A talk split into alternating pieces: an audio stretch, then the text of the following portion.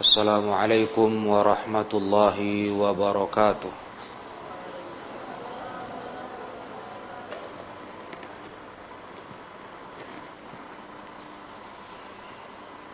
إن الحمد لله نحمده ونستعينه ونستغفره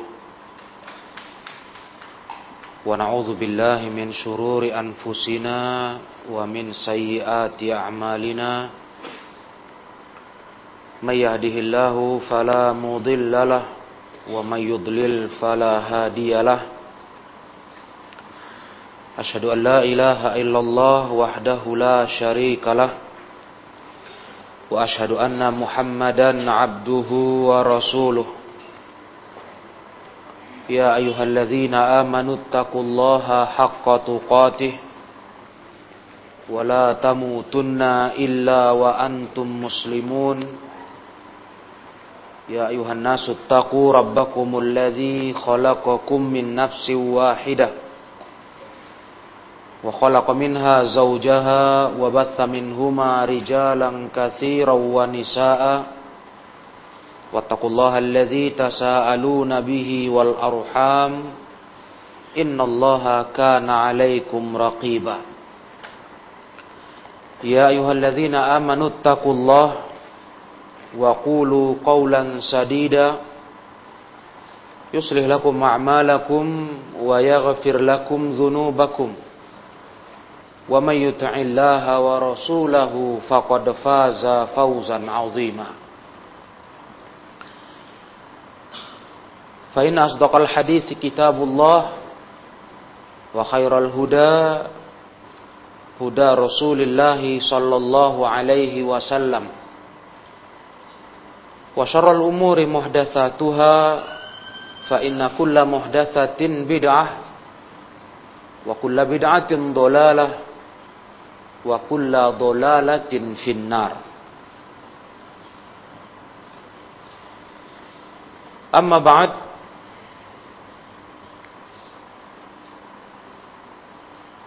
kaum muslimin rahimakumullah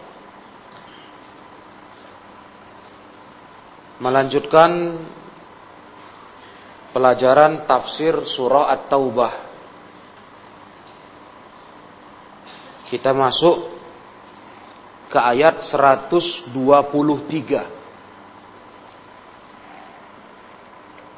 Ayat 123 yang mana Allah taala berfirman يا أيها الذين آمنوا قاتلوا الذين يلونكم من الكفار وليجدوا فيكم غلظة واعلموا أن الله مع المتقين Kata Allah, wahai orang-orang yang beriman. Perangilah oleh kalian. Perangilah oleh kalian. Orang-orang kafir yang di sekitar kalian. Yalunakum. Itu yang sekitar kita. Yang paling dekat. Perangilah mereka orang-orang kafir itu. Wal yajidu fikum ghilzah dan hendaklah mereka merasakan dari kalian sikap ghilzah, keras. Ghilzah, kasar. Wa'lamu annallaha ma'al muttaqin. Dan ketahuilah Allah bersama orang-orang yang bertakwa. Ayat ini ma'asyirul ikhwah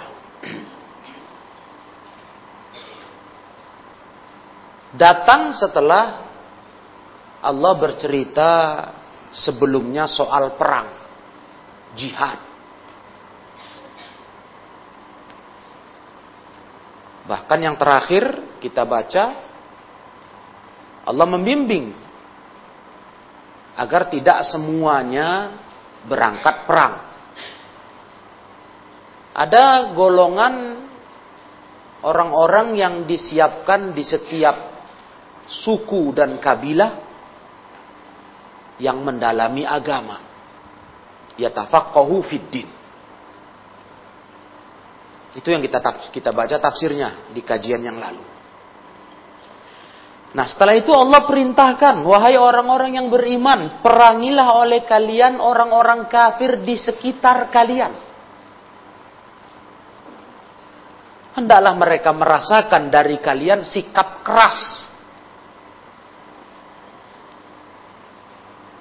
Para ikhwah rahimakumullah. Kalau hadis atau kalau ayat ini satu potong ini saja kita angkat. Kita sampaikan.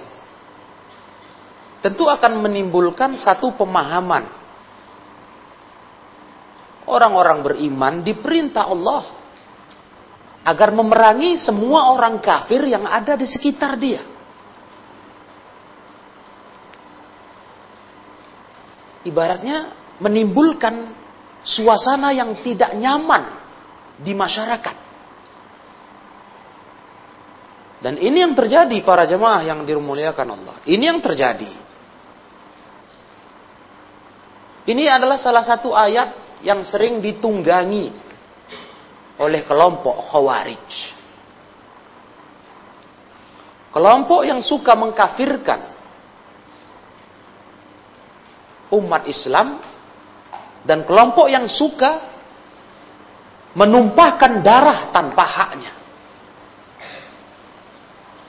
Terutama dalam bab berperang dengan kaum kafir. Lihat ayat ini. Kalau dipakai ayat ini saja memang sudah nggak ada keraguan. Itulah maksudnya. Hei orang-orang yang beriman, perangilah oleh kalian orang kafir yang di sekitar kalian. Lihatlah para ikhwah, betapa bahayanya ketika ayat Quran ini diambil satu ayat saja tanpa didudukkan perintah Allah ini dengan pembahasan lengkap seputar memerangi orang kafir. Lihatlah bahayanya. Karena kalau dari teks ayat ini nggak ada lagi maknanya kecuali perangi orang kafir itu yang ada di sekitar kalian, yang terdekat dengan kalian. Al-akrob fal akrob. Apakah lantas berarti umat Islam disuruh merusuhi masyarakat di sekitarnya yang tidak beragama Islam, non-muslim? Toh perintah Allah katanya. Ini yang jadi fitnah. Apalagi orang-orang yang tidak mempelajari Al-Quran dan Sunnah Nabi dengan sempurna. Sehingga dengan seenaknya dia menggunakan ayat ini untuk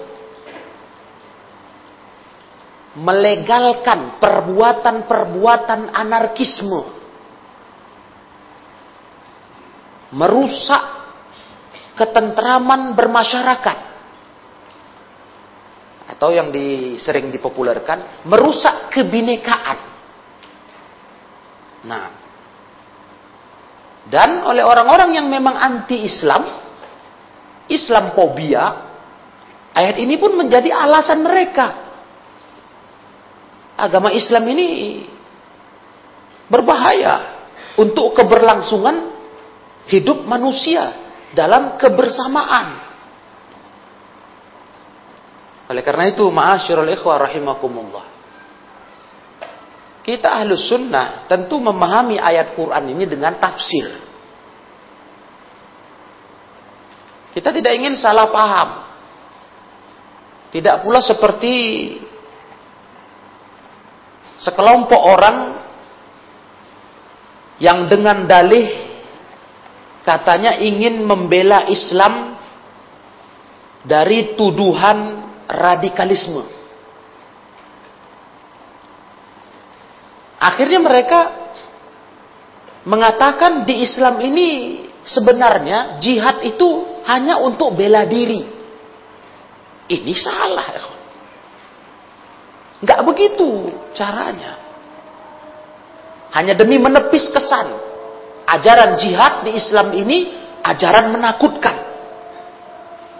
Yang akan menimbulkan ketidaktenangan di masyarakat. Terutama orang-orang yang non muslim tuh para mereka berkata jihad itu di Islam hanya jihad diva. Kalau Islam diserang. Kalau enggak kami enggak akan jihad. Nah, ini salah. Itu salah paham fatal. Karena jihad di Islam para ikhwah yang mulia ada dua. Ada diva, diva anin nafsi, membela diri, ada hujum, menyerang, ekspansi ke wilayah musuh. Jangan ditepikan itu, jangan ditip, disingkirkan paham itu. Jangan. Nah, karena para ikhwah yang mulia, kalimat jihad untuk menyerang musuh itu punya aturan yang nggak perlu dikhawatirkan menimbulkan kekacauan di masyarakat. Tidak. Ada aturan yang ketat. Bukan sembarangan setiap orang boleh menegakkannya. Serang sana, serang sini. Tidak begitu. Nah ini yang akan saya sampaikan para ikhwah. Rinciannya malam ini. Karena ini sangat penting. Ini menjadi satu sumber fitnah yang menjelekkan Islam. Ya. Kelompok yang mengatakan jihad itu hanya untuk bela diri, demi katanya membela Islam dari kesan radikalisme. Sehingga mereka memotong, membuang dari Islam jihad hujum. Jihad menyerang musuh.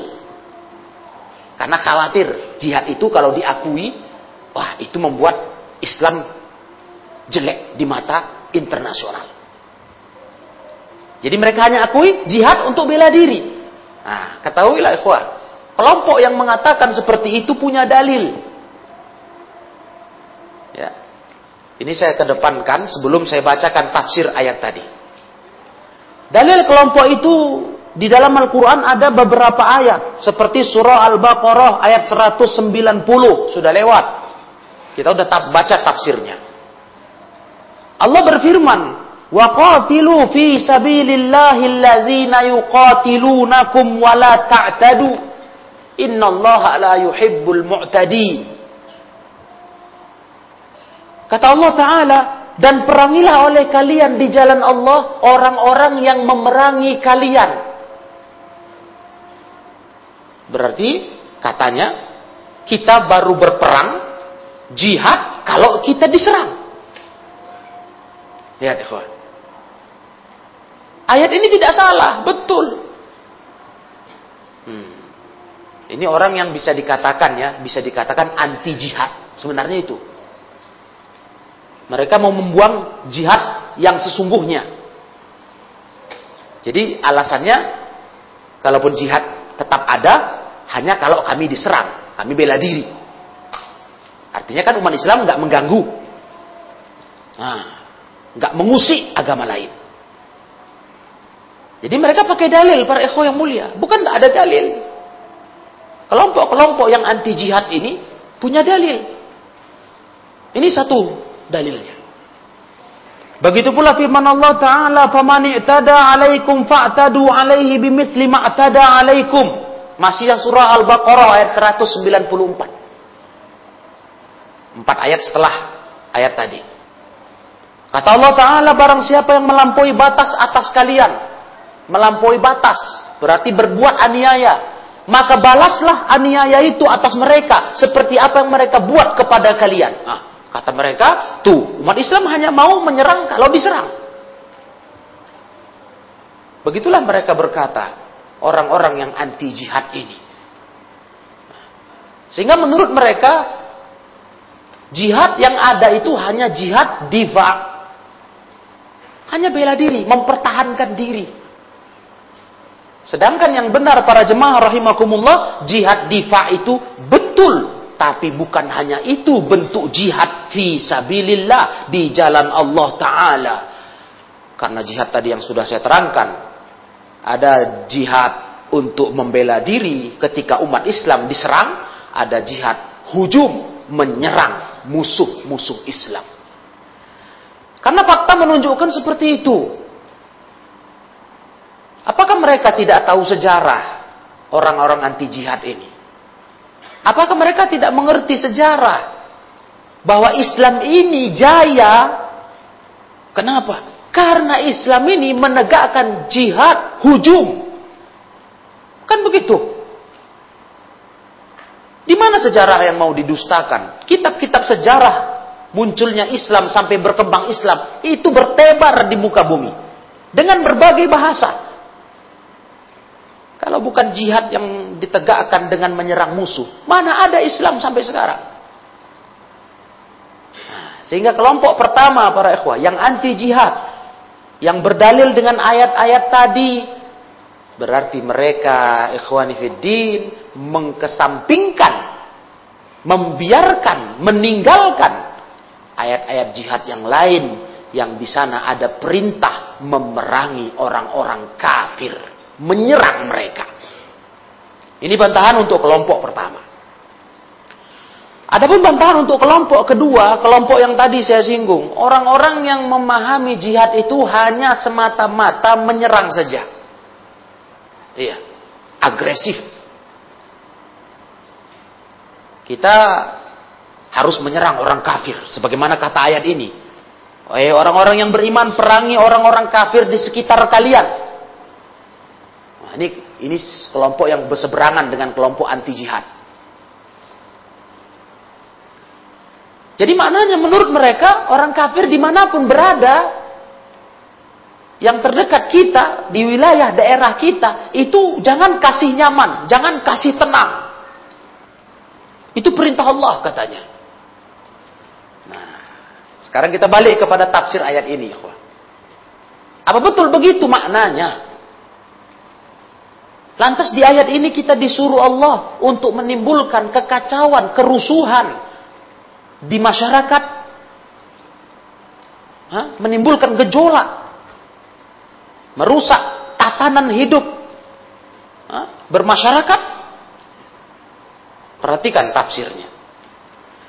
Kata beliau, "Wahada aidan irsyadun akhar ba'dama arsyadahum ila tadbir fi man yubashirul qital." Ini kata Syekh, ini bimbingan lain.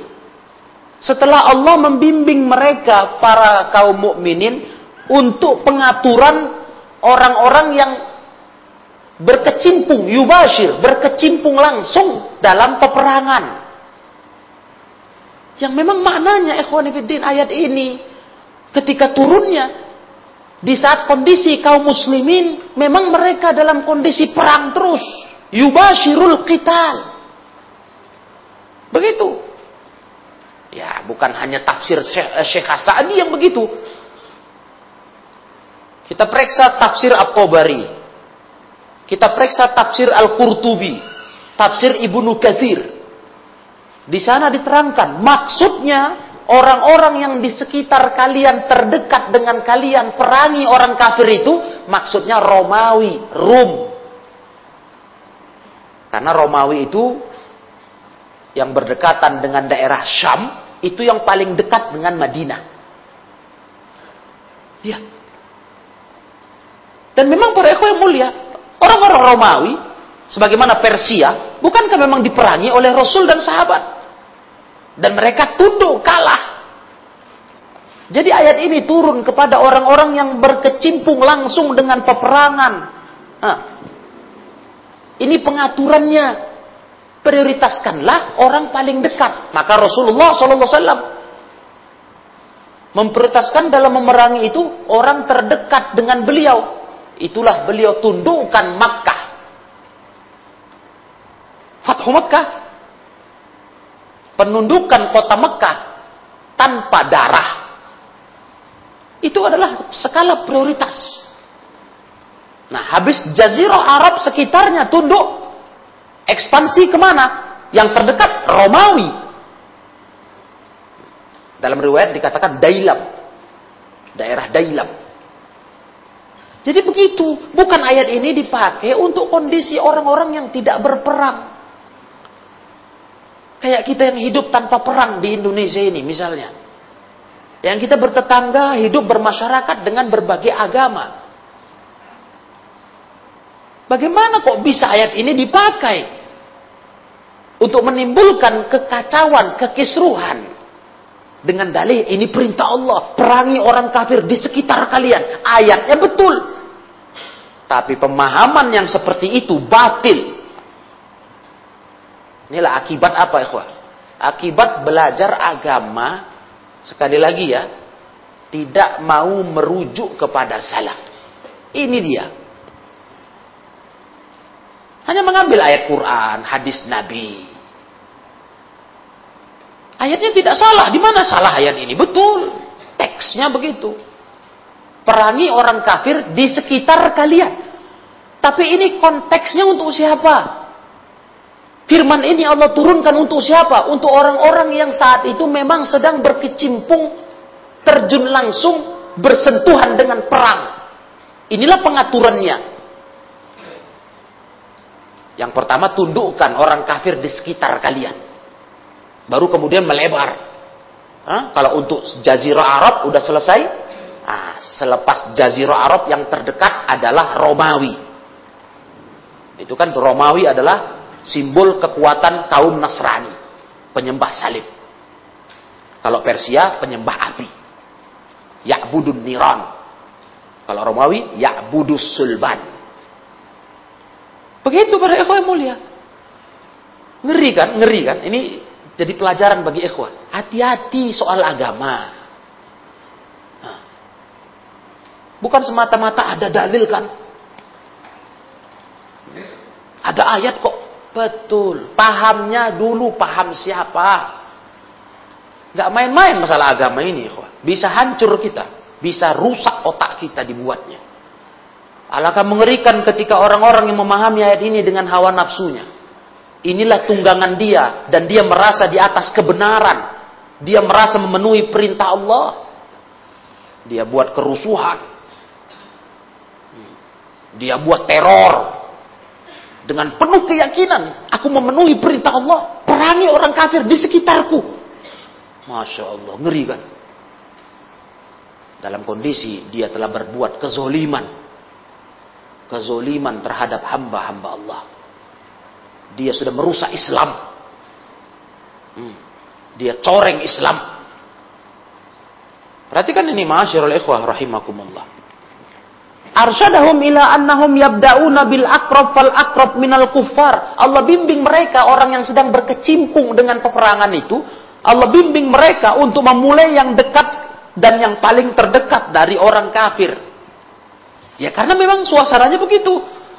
Ada skala prioritas. Maka saya katakan pada kajian-kajian lalu ikhwah, jihad menyerang musuh ini kalau sudah terpenuhi syaratnya boleh dan syaratnya berat. Harus ada khalifah umat Islam.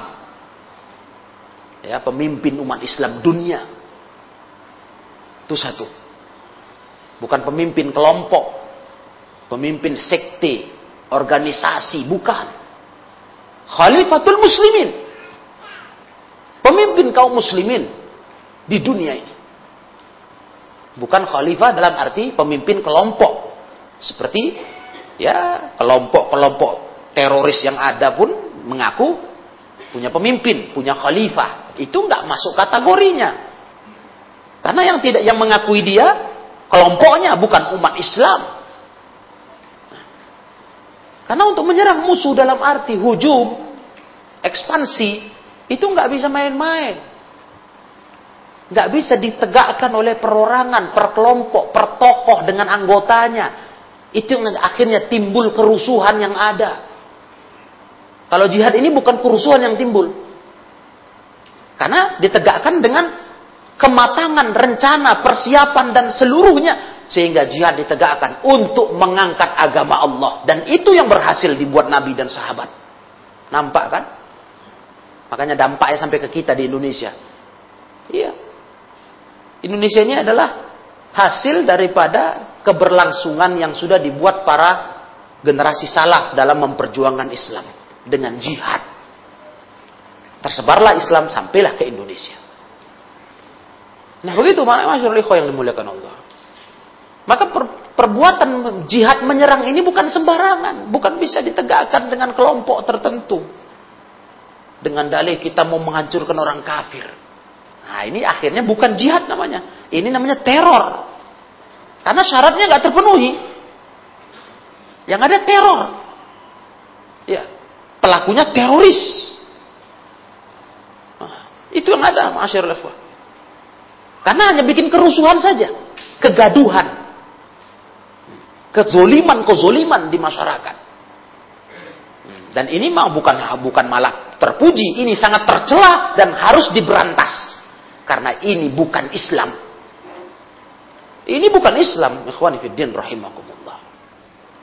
Walaupun mereka pakai simbol-simbol Islam. Mereka menampakkan diri sebagai muslimin, sebagai pembela Islam. Plus katanya orang-orang taat. Tapi ini bukan dari Islam. Ini perbuatan terorisme yang tidak ad, tidak boleh ada di atas namakan dengan agama Islam. Karena akhirnya menimbulkan fitnah. Timbullah Islam fobia tadi. Nah, ditambah ada ada orang-orang yang anti jihad tadi ah, melihat ah, ini Islam ini bahaya, maka harus dikubur sajalah pelajaran jihad itu di buku-buku sekolah. Bahaya. Masya Allah. Apa dia lupa atau nggak tahu atau bodoh? Nggak ada Islam tersebar kayak sekarang di semua dunia kalau bukan dengan jihad. Ya, mana ada? Islam menyebar di pelosok dunia karena jihad fi sabilillah. Itulah yang paling intinya. Karena Islam menaklukkan negeri-negeri kufar ke dalam uh, wilayah Islam. Tunduk ke dalam wilayah Islam. Bagaimana mau dikatakan buang sajalah pelajaran cerita jihad itu. Karena dia tidak mengerti apa itu jihad menurut Islam yang benar.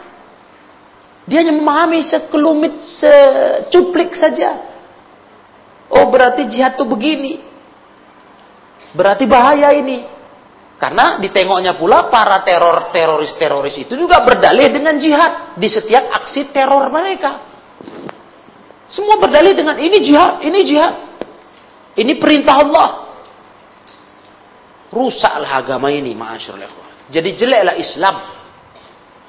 Nah, jadi tak seharusnya seperti itu perbuatan orang-orang yang mengaku cinta Islam. Bukan dengan cara mereka menafikan jihad demi membela Islam di tengah atau di hadapan e, masyarakat internasional. Nah, bukan begitu caranya. Bukan dengan menyerang jihad. Menginginkan istilah jihad ini jangan diangkat lagi lah sudah. Dengan istilah mereka nggak zamannya. Itu biarkanlah sudah cerita lama. Gak bisa. Jihad itu akan tetap tegak sampai hari kiamat. Itu keyakinan umat Islam. Ya. Terus berlaku sampai kiamat. Tapi yang namanya jihad dengan senjata, mengangkat senjata, itu punya aturan ketat. Agar jihad itu mendatangkan rahmatan lil alamin. Ya, punya aturan ketat. Nah, lagi pula ma'asyurul ikhwah yang kita heran, kenapa kok malah umat-umat Islam muslimin-muslimin sendiri yang ketakutan dengan kata jihad ada di agama Islam. Kenapa? Bukankah istilah perang di setiap agama itu ada? Mungkin mereka nggak pakai kata jihad. Tapi yang namanya perang, perang atas nama agama itu ada. Jadi apa yang bikin kita merasa takut? Islam kayaknya jelek kalau ada kata jihad. Loh, bagaimana ini orang? Ini muslim padahal. Muslimin. Entah memang bodoh dia masalah agama ini, dangkal kali ilmunya, atau apa. Karena istilah perang agama itu ada selalu, di semua ajaran ada. Bahkan yang katanya ajaran agama penuh kasih. Hah? Yang namanya perang agama ada. Tidak bisa tidak ya Itu selalu ada. Karena setiap agama punya prinsip ya agamanya lah yang paling benar. Selain agamanya batil. Itu setiap agama. Dan setiap agama punya prinsip. Kalau bisa agamanya lah yang paling nyata, paling tinggi di muka bumi. Paling jaya. Itu prinsip semua agama. Nah kenapa tiba di Islam prinsip yang seperti ini kok ditakutkan? Kan menyedihkan ini. Orang-orang seperti ini. Menyedihkan cara pikirnya. Kasihan. Hal yang sangat mendasar sebenarnya jihad ini dalam agama Islam kok dia nggak paham. Kok berusaha menentang, memerangi, meniadakan ajaran jihad fi sabilillah. Begitu para ikhwah rahimakumullah. Dan bukan pula kita seperti orang yang tadi sudah kita bantah. Membabi buta cerita jihad ke jihad saja. Nah, dengan dalil ayat ini. Perangi orang kafir di sekitar kalian. Perangi. Bukan begitu. Bukan seperti itu. Lihat. Ini ayat turun ke siapa? Lihat. Turun di saat timan yubashirul qital. Nah. Orang yang memerang, me, e, berkecimpung terjun langsung dengan peperangan. Memang masa itu masa perang. Jadi Allah kasih pengaturannya. Nah, prioritaskan. Kalau menyerang musuh itu, serang orang terdekat kalian. Dan itu Rasulullah lakukan. Begitu pula khalifah setelahnya Abu Bakar As-Siddiq. Beliau masa mem memerintah dua tahun. Siapa yang beliau perangi prioritasnya? Yang terdekat orang murtad. Di sekitar Madinah banyak murtad setelah Rasul wafat. Banyak nggak bau bayar zakat. Wah ini bahaya ini.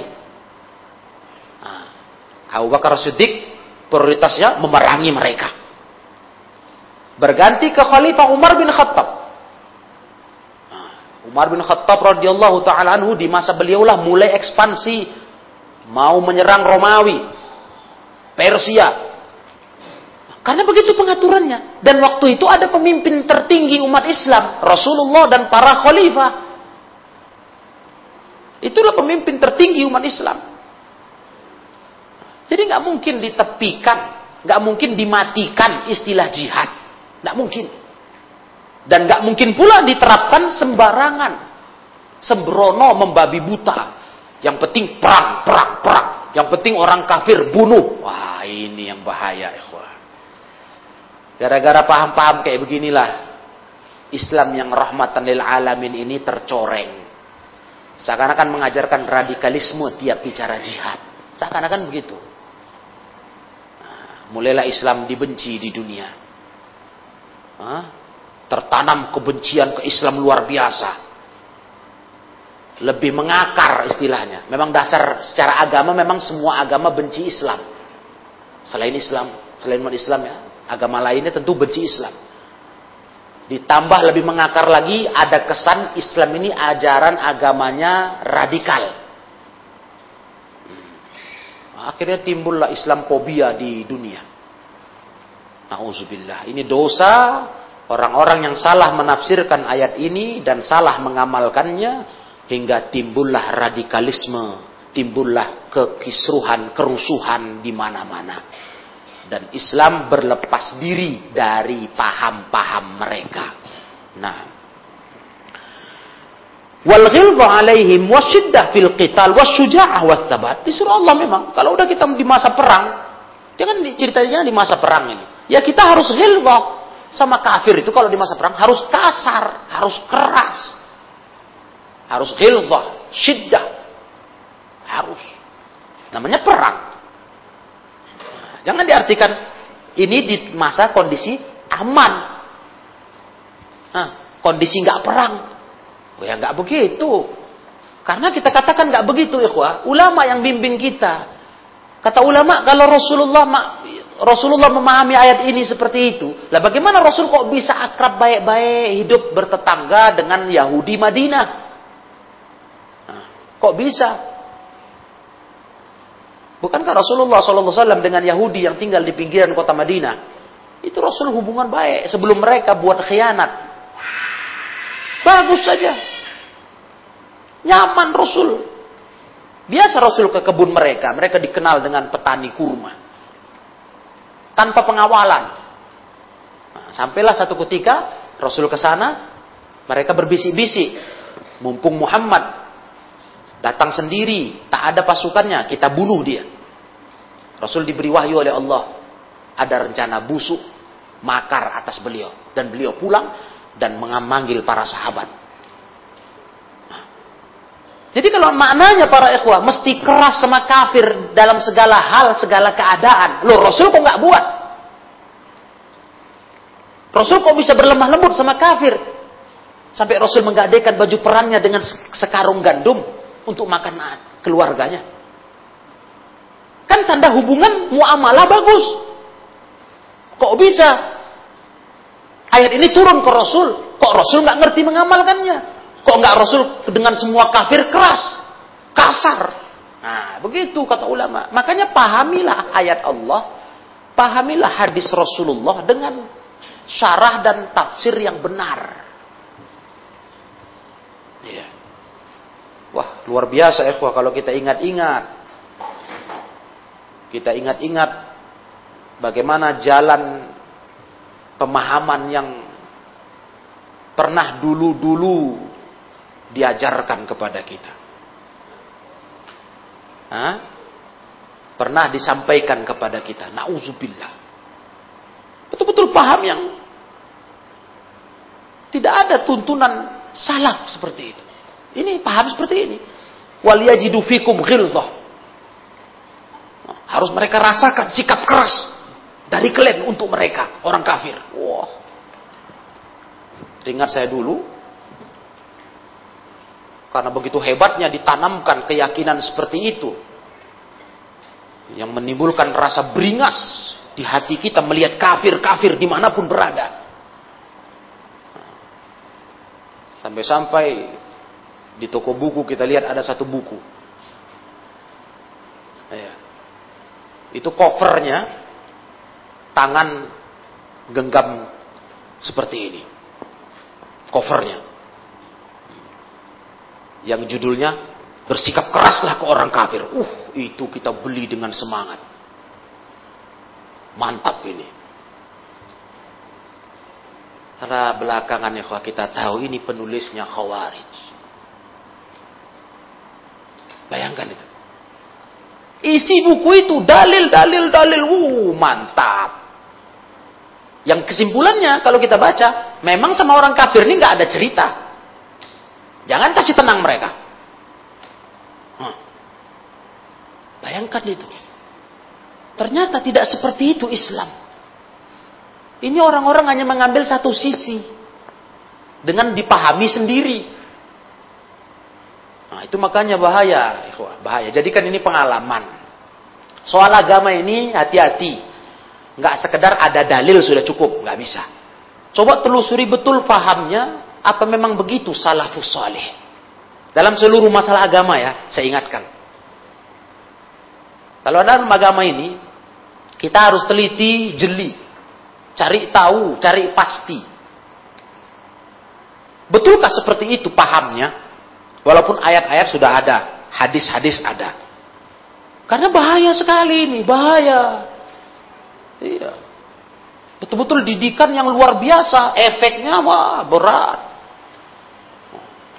Makanya mereka bahkan merasa merasa nggak dosa, jangankan mau dibilang dosa malah, merasa inilah jalan paling utama buat teror-teror itu. Ledakan sana, bom sana. Bagaimana mereka mau dibilang berdosa? Mereka yakin ini perintah agama sama orang kafir itu kita keras. Perangi di mana pun mereka yang terdekat sama kita. Wah. Kan menjadi apa ini namanya? Menjadi pemahaman yang mengerikan. Tapi dikira itu Islam. Dikira itu yang betul. Padahal ini pemahaman batil. Ini pemahaman khawarij. Kilabun nar.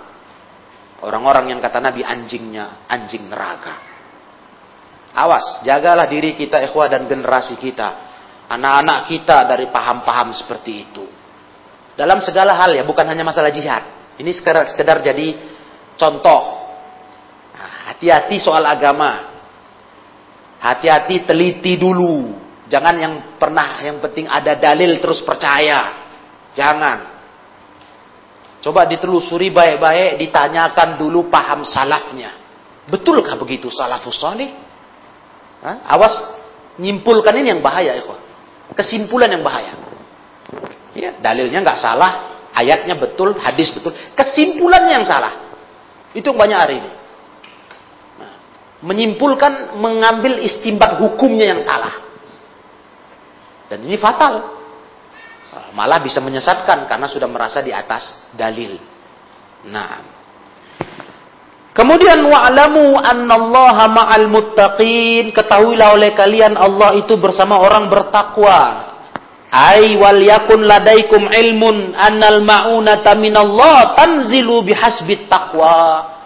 Hendaklah kalian tahu ya, kalian berilmu bahwa pertolongan itu dari Allah yang turunnya tergantung ketakwaan kalian. Nah, artinya ketika perang itu memerangi orang kafir di sekitar kalian, jangan ragu. Karena kalian harus tahu pertolongan itu datang dari Allah. Dan itu pertolongan datang tergantung takwanya kalian. Tergantung takwanya kalian. Ini yang berapa kali sudah saya sampaikan di majelis ini, ikhwan menangnya umat Islam dalam membela agamanya dalam jihad itu karena pertolongan Allah. Dan pertolongan Allah itu tergantung dengan ketakwaan para pejuang Islam itu. Itu dia. Makanya para pejuang Islam itu harus orang-orang bertakwa yang takut kepada Allah dengan mengerjakan perintahnya menjauhi larangannya. Kalau pejuang-pejuang Islam, mujahidin lah bahasanya. Orang-orang yang gak bertakwa, orang-orang yang malah melanggar yang haram, meninggalkan yang wajib, bagaimana ditolong Allah? Karena kita bisa menang umat Islam dari zaman dulu, dari awal dakwah Nabi Sallallahu Alaihi Wasallam. Itu tak lain karena pertolongan Allah. Kita nggak lupa ikhwah kejadian perang Badar awal Islam tegak perang pertama. Menang umat Islam bukan karena jumlah, bukan karena persenjataan yang lebih canggih, bukan. Tapi karena pertolongan Allah. Allah kirim malaikat mumid dukum bi alfim minal malaikati murdifin. Allah kerahkan malaikat seribuan malaikat dari langit membantu Rasul dan sahabat. Pertolongan Allah. Begitu pula perang-perang lainnya. Bayangkan Romawi itu kekuatan yang luar biasa hebatnya, jumlah besar pasukannya, tunduk, kalah di bawah bendera Islam. Persia, wow luar biasa. Kalau sekarang dimisalkan orang Amerika dan Rusia. Nah ya, negara adidaya. Tunduk. Romawi Persia tunduk dengan Islam. Kenapa? Karena Umar pun berpesan kepada pasukannya di medan perang, ingat, kita menang karena ditolong Allah. Dan kita ditolong Allah karena bertakwa. Maka kalian jangan lupa dengan takwa Allah. Bukan karena jumlah kita besar, tenaga kita lebih kuat, lebih terlatih, lebih canggih senjata. Bukan. Tapi ditolong Allah. Begitu ikhwah. Maka di sini disebutkan oleh beliau, tergantung itu tanzil bihasbit taqwa falazimu ala taqwallah. Maka terus-menerus kalian berpegang teguh dengan takwa kepada Allah. Nah, itu yang kita prioritaskan ikhwah. Hidup ini dalam segala hal, segala keadaan bisa kita menjalaninya, bisa kita melaluinya karena ditolong Allah. Kalau enggak, enggak sanggup kita. Jangankan urusan perang sebesar itu, urusan-urusan kecil pun kalau kita nggak ditolong Allah, nggak mampu kita. Nggak kuasa kita menyelesaikannya, walaupun masalahnya sepele. Iya.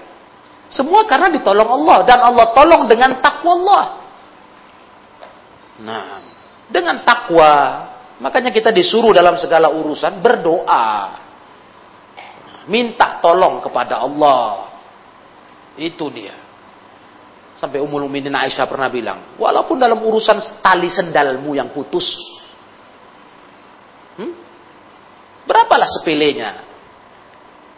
Sangat sepele kali lah itu urusan tali sendal rasa kita. Tapi itu pun kita disuruh minta tolong sama Allah menyelesaikan urusan itu. Karena kalau nggak ditolong Allah nggak bisa. Nah. Ini udah paham kali kita, ikhwan mulia. Sehingga kalau kita cerita perjuangan Islam, cerita jihad Islam, yang harus pertama dikerjakan umat Islam adalah mendidik masyarakatnya agar jadi orang bertakwa. Nah, dan itu yang Rasul lakukan. Syekh Muhammad bin Jamil Zainu rahimahullah beliau terangkan tahapan Rasul bisa menang membawa Islam jaya. Yang pertama Rasul lakukan apa? Perbaikan tauhid. Ini yang pertama membentuk takwa Allah di hati manusia. Tauhid dibenahi Nabi 13 tahun di Mekah. Yang kedua, periode Madinah, Rasul kuatkan uhuwah persaudaraan antara kaum muslimin. Setelah tauhidnya sama, kokoh, nggak ada bau syirik, persaudaraan kuat, mencintai saudara kayak cinta ke diri sendiri. Wah, kalau itu luar biasa. Kalau kita baca-baca sejarah, bagaimana muhajirin ansor itu terikat persaudaraan yang luar biasa kuatnya, padahal nggak kenal mengenal atas dasar iman saja. Udah berhasil itu, baru Rasul masuk tahap ketiga, jihad. Orang-orang yang sudah dua ini lulus, akidah beres, persaudaraan kuat, baru bisa dibawa jihad. Ah, baru menang karena ditolong Allah. Ini. Lah bagaimana mau menang Islam ini diperjuangkan? Pejuang-pejuangnya pun tak pernah tahu urusan agama modal semangat belaka. Takwa nggak ada, ibadah berantakan, yang haram dibuat. Gimana itu? Aneh para ikhwah rahimakumullah. Berarti nggak ngerti metode dalam mengangkat Islam, memperjuangkan Islam. Nggak mengerti cara. Ya, itulah kalau sudah nggak kembali kepada paham salafus salih. Nah, kemudian para ikhwah yang mulia, Yu'inkum wa yansurkum ala aduikum. Kalau kalian sudah seperti itu, Allah akan tolong kalian, Allah bantu kalian melawan musuh kalian. Kalau sudah bertakwa kalian. Itu kali yang dipesankan Umar kepada pasukannya. Jangan lupa takwa Allah. Kita ditolong Allah karena takwa. Menang karena takwa. Jadi bukan malah dibiarkan misalnya yang penting banyak pasukan, tapi pasukan ini buat maksiat. Gimana mau ditolong Allah? meninggalkan kewajiban. Gimana menurut Allah? Katanya pejuang Islam. Tapi sholat tidak. Enggak ditengoknya Rasulullah di kondisi segenting apa pun, sholat tak tinggal. Makanya ada istilah sholat khauf. Kita udah belajar itu fikihnya. Bagaimana aturan sholat khauf? Ya kan?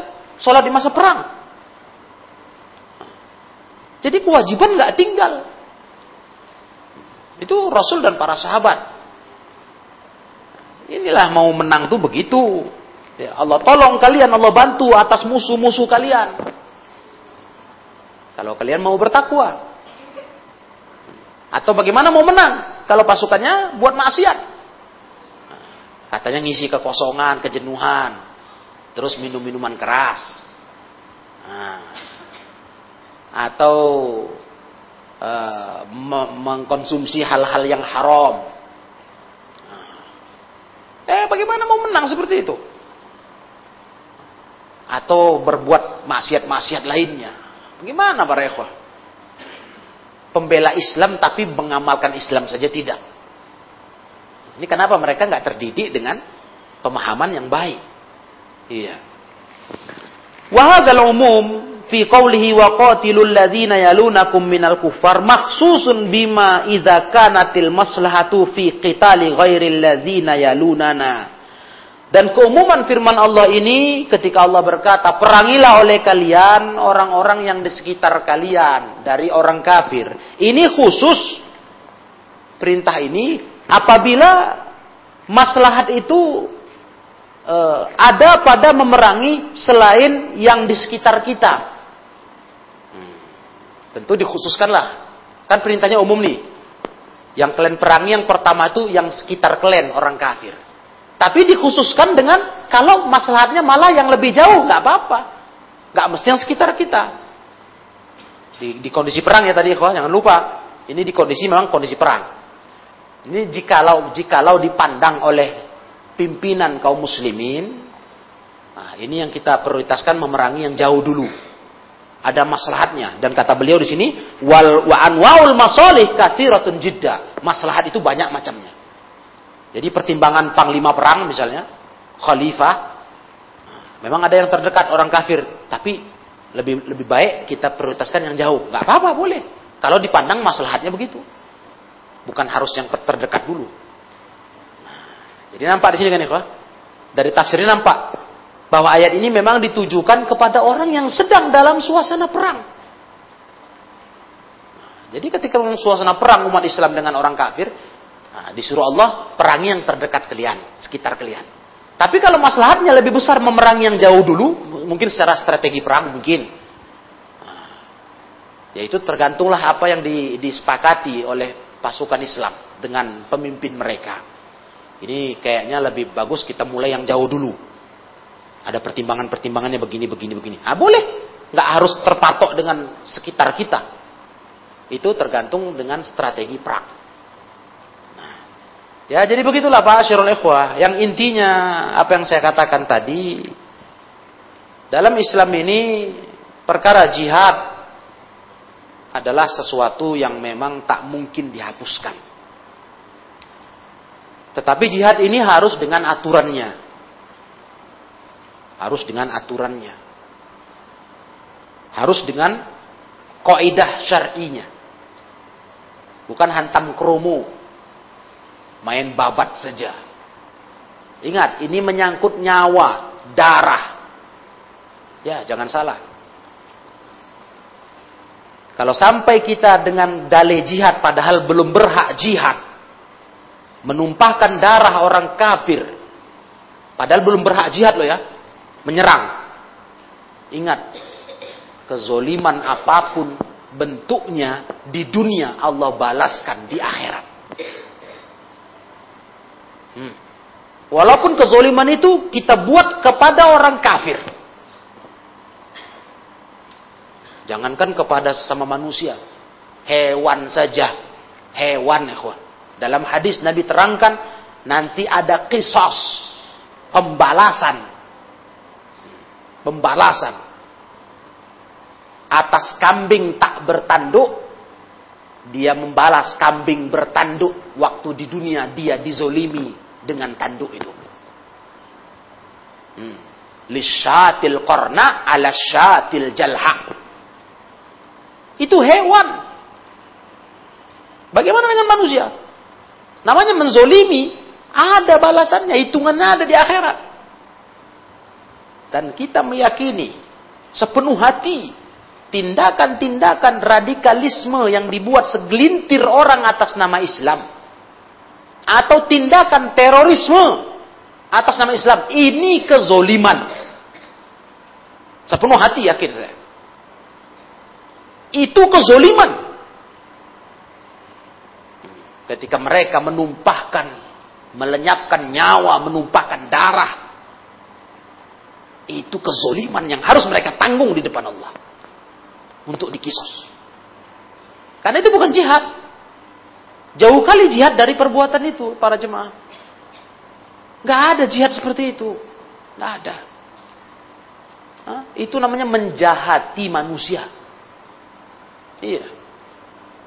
Maka kita nggak pernah tertipu dengan propaganda ajakan-ajakan seperti itu. Karena kita sudah diajari oleh para ulama makna jihad yang sebenarnya. Ya. baik jihad diva maupun jihad hujum. Ada aturannya semua. Kalau jihad diva memang spontanitas. Tiap kita diganggu sama kayak skalanya kecil lah. Kita diganggu perorangan, dirampok, ditodong, dibegal. Itu kita membela diri, harus membela diri. Kalau mati syahid. Itu skala kecil.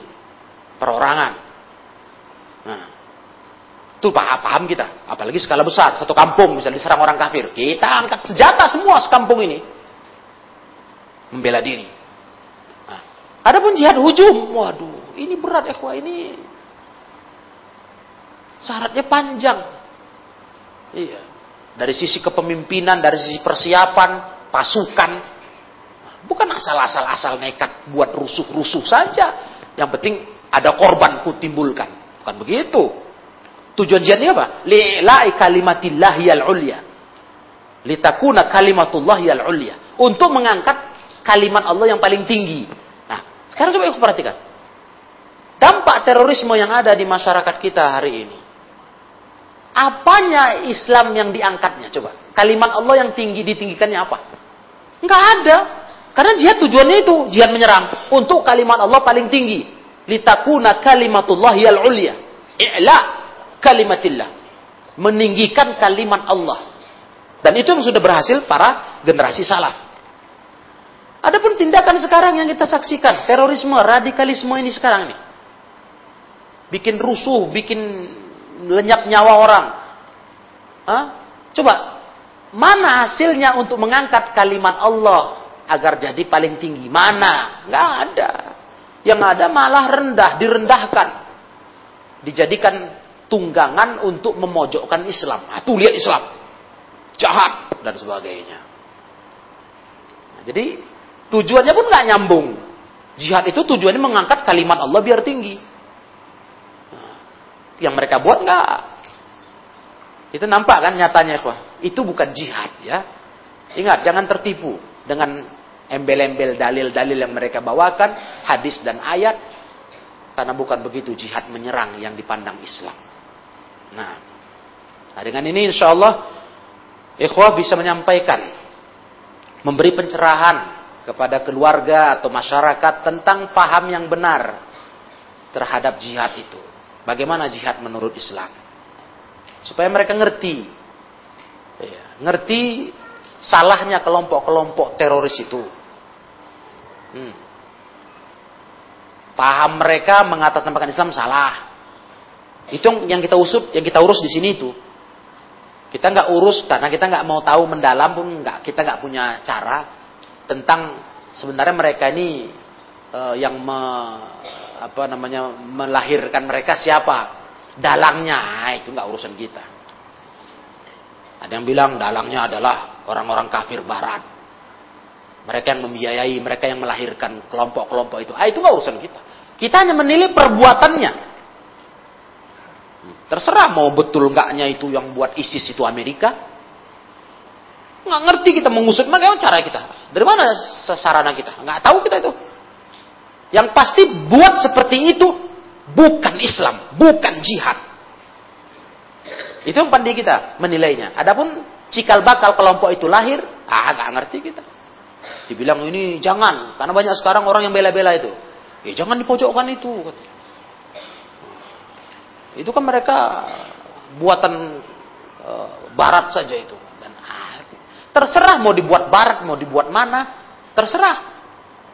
Yang pasti perbuatan mereka mengatasnamakan Islam itu salah, mengatasnamakan jihad itu salah. Sedikit pun nggak ada betulnya. Itu aja kita tahu dengan pandangan ilmu syar'i, ya.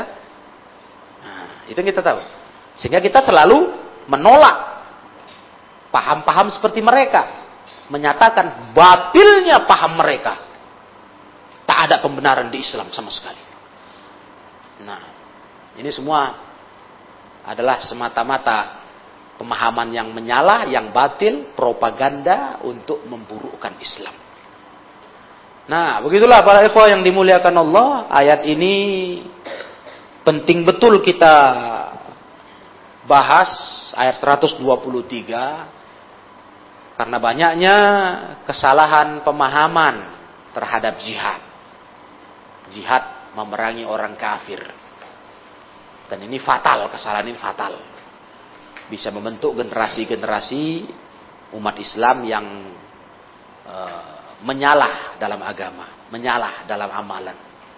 Mudah-mudahan ini bermanfaat dan menjadikan kita semua selamat dari paham-paham yang menyimpang, tidak sesuai dengan warisan Rasulullah sallallahu alaihi wasallam. Wallahu alam bissawab. Wa akhiru da'wana anil hamdulillahi rabbil alamin.